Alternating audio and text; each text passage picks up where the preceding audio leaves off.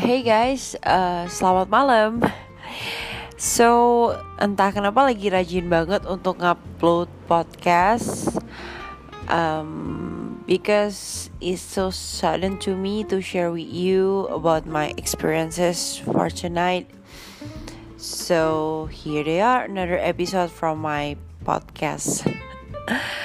um, by the way, cuaca di Bali kali ini memang lagi sedikit um, berubah dari yang awalnya kayak panas terus jadi hujan tiba-tiba panas lagi yang dari panas terik matahari langsung malam itu hujan. Jadi buat kalian di mana pun berada please uh, stay safe tetap keep healthy.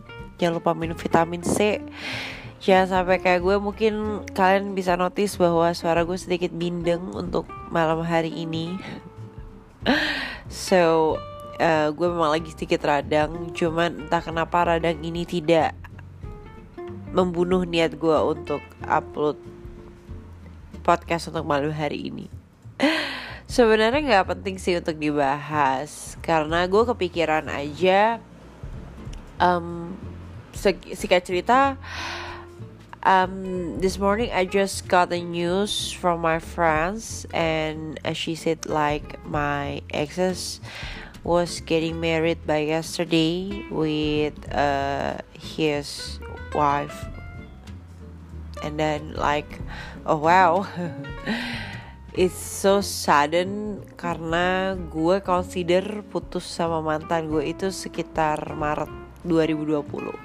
Iya, yeah, end Maret 2020 dan gue juga berpikir bahwa mungkin gak cuman gue aja yang pernah ditinggal mantan buat nikah Tapi lo juga yang lagi dengerin podcast gue pasti pernah berada posisi di mana mantan lo itu ninggalin lo merit juga seperti itu. But the difference is how you guys react this news Maksud gue adalah mungkin ada beberapa orang yang memang sudah move on, but I would say uh, gue ngomong kayak gini bukan berarti gue nggak move on ya. Cuman I just wondering like how you guys feels like gitu kan ketika lo mendengar bahwa berita mantan lo itu baru saya merit or sudah saya merit tapi kembali lagi sih sebenarnya ke um, awal mula dari putus hubungan kalian itu seperti apa. Karena gak cuman gue mungkin dari kalian pun juga pernah mengalami hal tersebut. Tapi kembali lagi ke reaksi kalian masing-masing. Entahkah seperti misalnya nih kalian putus sudah lama gitu kan sama mantan udah sempet gonta ganti pacar berapa kali mantan juga sudah sempet gonta ganti pacar and then you guys uh, got the news like he is getting married with uh, dengan istrinya yang sekarang kayak gitu. Jadi kayak berita tuh kayak ya it it is not important news that I have to uh, keep in mind. Cuman seperti kayak oh ya udahlah gitu udah married juga so biar kalah berlalu kayak gitu. Sedangkan posisi kalian saat ini masih single single aja kak. Bukan masih single, maksudnya masih uh, belum menikah sama sekali, but you guys into a relationship. So like your focus going to your boyfriend or girlfriend, some something like ya, seperti itulah. Terus um, mungkin ada yang di posisi adalah ketika lo putus dengan suatu alasan dan pada saat itu tidak jauh dari lo berapa lama putus lo denger ternyata dia itu sudah merit sama pacar yang sekarang jadi entahkah perasaan lo seperti kayak mungkin satu sisi buat lo yang masih mencintai mantan lo kayak masih ada perasaan masih belum bisa move on 100% like like it um, 80% or 70% gitu kan. Sedikit shock or galau or apalah. Mungkin ada beberapa orang yang typically kayak yang oh just shock that's it gitu kan. Gue sudah move on so um, ya udah kayak gitu. Kembali lagi ke reaksi orang masing-masing. Tapi kalau based on my story cerita mengenai nikah ditinggal mantan nikah gue sudah mengalami itu dua kali terhitung dari yang terakhir ini. Jadi singkat cerita gue dulu sempat punya mantan uh, kita berpacaran itu selama empat tahun beda agama entah kenapa uh, gue selalu ditinggal sama mantan. Nikah itu pasti kasusnya beda agama. Ya again that's the risk.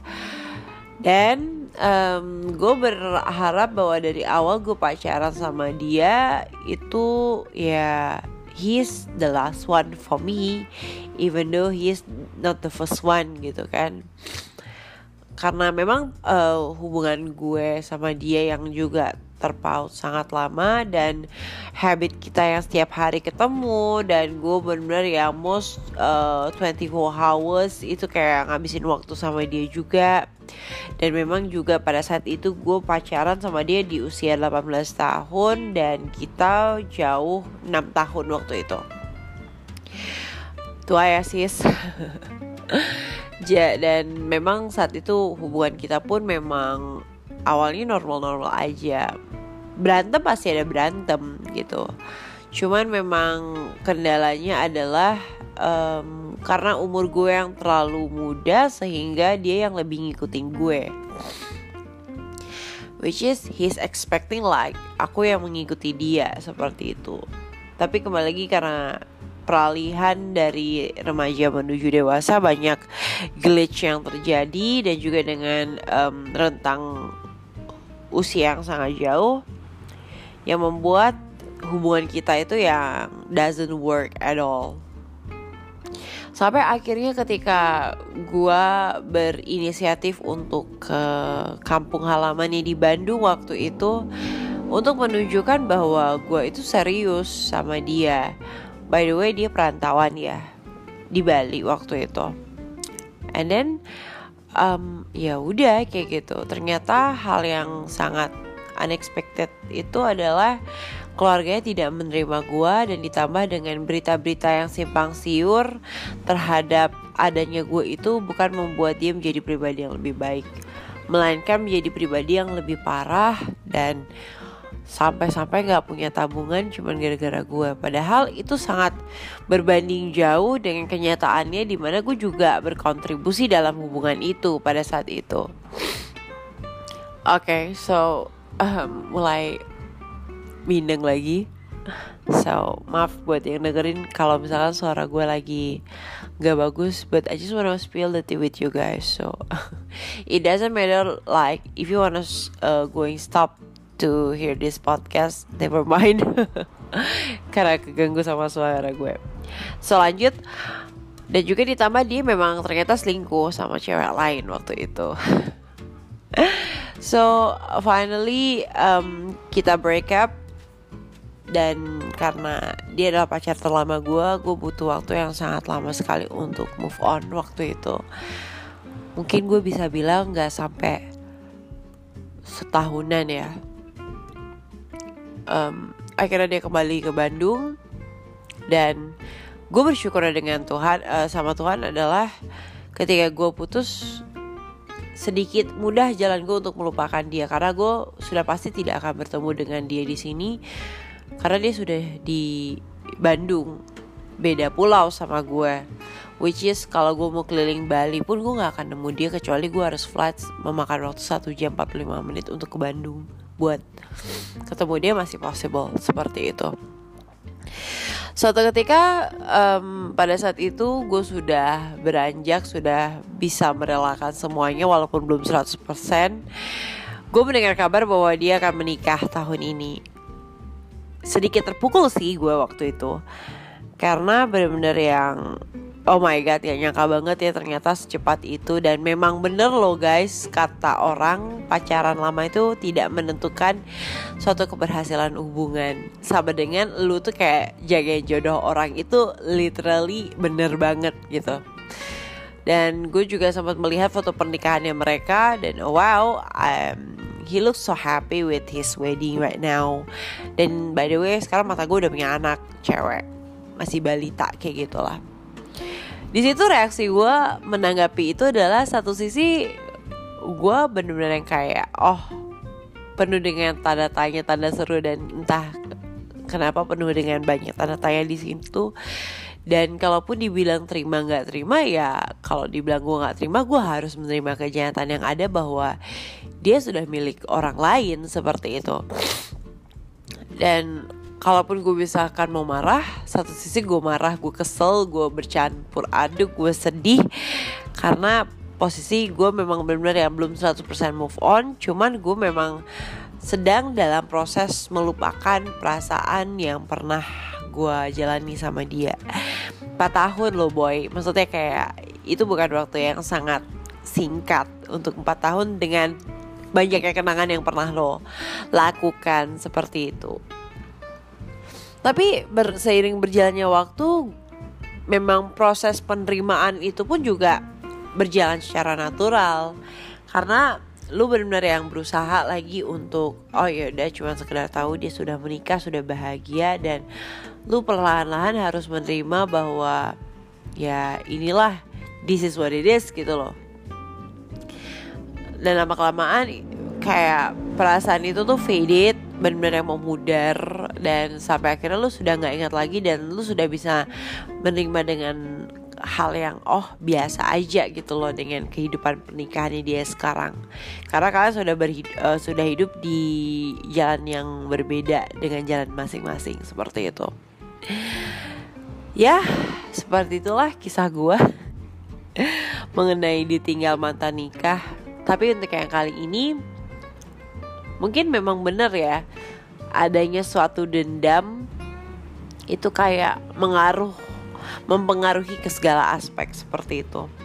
Karena berita yang tadi pagi gue dengar adalah ternyata mantan gue yang literally kita putus tuh baru akhir Maret 2020 seperti um, gue kesambar petir aja kayak gitu. Karena memang sebenarnya nih orang udah gue bahas sih di salah satu topik podcast gue yang sebelumnya. Selingkuh diselingkuhi seperti itu. Memang saat itu dia memang memutuskan untuk balikan untuk sama mantannya yang 8 tahun itu.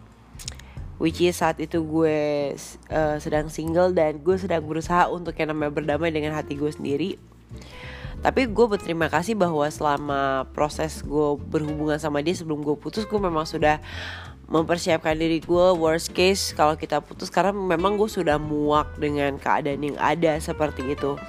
Keadaan di mana keadaan itu penuh dengan drama dan juga di mana keadaan itu juga penuh dengan kebohongan seperti itu.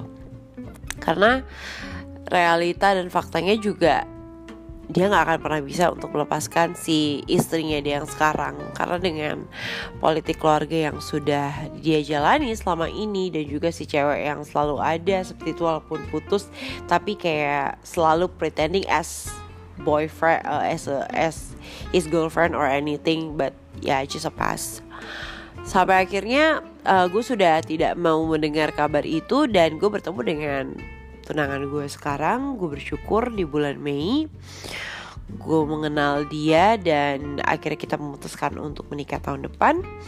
Dan di situ gue sudah benar-benar merasakan bahwa ya memang I deserve it better and I know my word tapi um, pada saat birthday gue dia masih mengirimkan gue kado berupa sepatu olahraga. Dan gue tahu dia masih ngestalkerin Instagram gue lewat temennya dia seperti itu. Dan di surat itu he still saying that I love you or anything because I trying to ghosting him after we break up on March end of March like that.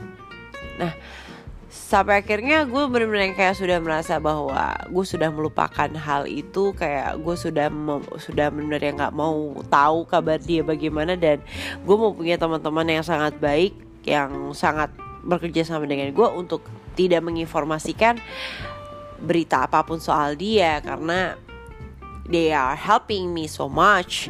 And then gue yang benar-benar sudah melupakan literally melupakan dan gue benar-benar yang sudah tidak ada perasaan sama sekali sama dia. Suatu ketika gue dapat informasi bahwa I never expecting like he get married on this year gitu loh. Dengan si mantan. Sebenarnya bukan mantan yang diajakin balikan yang putus nyambung ya udah lah ya. Gue udah jagain jodoh orang walaupun cuma buat sementara cuman cuma satu kesenangan sementaranya dia. Yang benar-benar gue nggak nyangka adalah dia menikah tahun ini dengan si mantan which is gue nggak bukan yang nyangka gue sudah memprediksikan hal itu akan terjadi. Yang gue nggak nyangka yang gak gue sangka adalah tahun ini banget gitu loh. Dan yang kedua adalah mereka menikah di salah satu venue yang gue idam-idamkan banget yang menjadi wishlist gue untuk menikah sama dia yaitu di hotel gue sebelumnya. Gue bekerja di daerah Uluwatu. They got married there guys. Can you imagine that? Happens ya udah gue kayak yang ketika gue mendengar berita tuh kayak what? What? What? gitu. Banyak pertanyaan di kepala gue it's like a questioning. Tapi gue tahu ini bukan hal yang penting buat gue pikirkan saat ini kayak gitu. Jadi salah satu hal yang bukan perlu diingat tapi gue cukup banyak pertanyaan sih di kepala gue kenapa mereka memilih untuk wedding di sana seperti itu dan kan dulu ketika gue masih pacaran sama dia masih backstreet sama dia gue kayak pengen ketika kita membicarakan masalah pernikahan gue hoping banget gue bisa nikah di hotel itu kayak gitu loh. Di mana tempat gue bekerja.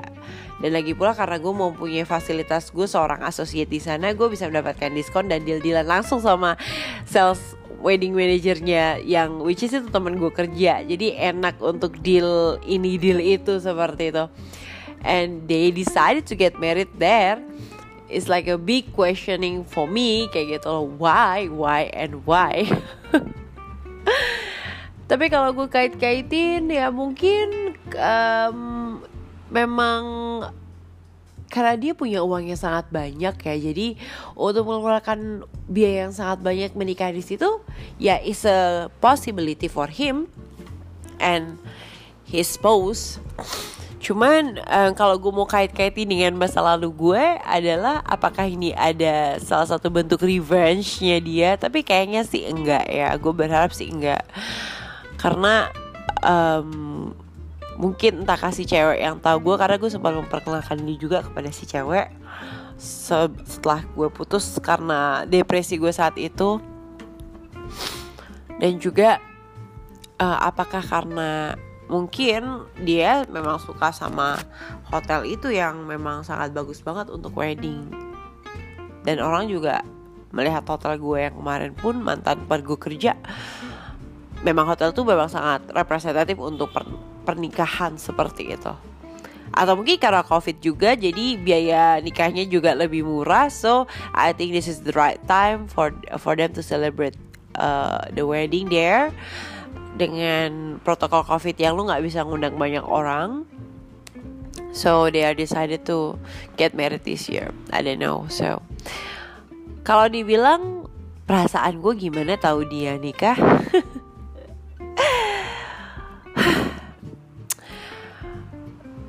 Gue cuman bisa bilang ya gue kaget sih.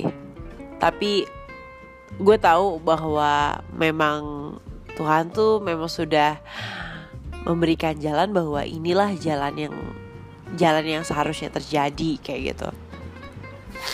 Karena memang Tuhan sudah berkehendak bahwa mereka akan menikah tahun ini dan memang tidak berjodoh dengan gue. Dan Tuhan memang berkehendak gue memang putus dengan dia dan gue memang dipertemukan dengan tunangan gue yang saat ini yang jauh lebih baik daripada dia. Seperti itu dan memang semua ini terjadi memang karena kehendak Tuhan juga kayak gitu loh. Jadi you can you can't deny it for everything that happens today or yesterday or a month ago.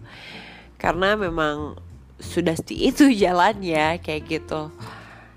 Dan gue kalau dibilang masih ada perasaan sama dia jujur sih sudah enggak ya gue mencoba untuk berusaha memaafkan. Iya gue sudah memaafkan sih kesalahannya dia semuanya terhadap apa yang dia lakukan. Walaupun somehow kayak ada rasa memendam kebencian atau gimana. Tapi gue tahu itu adalah salah satu toxic banget buat diri gue sendiri yang kalaupun gue pelihara tuh juga di gue sangat rugi banget kayak gitu tapi ya memang benar-benar yang ketika gue coba ngutarain perasaan ini ke pasangan gue dan gue juga merasa kayak terbantu dengan apa feedback yang pasangan gue berikan juga. Jadi gue merasa senang aja kayak gitu loh. Ada satu vibe yang sangat positif banget dari pasangan gue menyeimbangkan pemikiran gue yang sudah mulai overthinking or anything.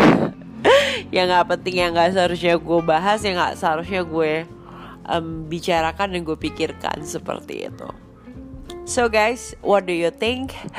Um, bagaimana menurut lo atau mungkin um, kalian punya cerita tersendiri mengenai pernikahan yang mantan tinggal nikah atau lo yang meninggalkan mantan lo nikah? Boleh deh di sharing ke gue.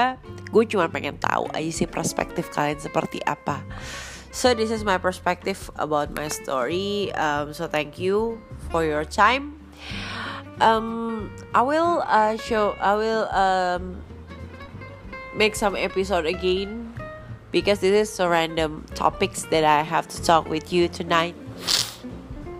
Dan semoga bisa jadi bahan lucu-lucuan juga buat kalian bahas sama si pasangan. Tapi kembali lagi kepada kalian juga mungkin uh, menanggapinya dengan hal yang lucu sedih senang itu semua sih dari tergantung dari kalian sendiri. Tapi ini dari versi gue. Nah bagaimana dengan versi kalian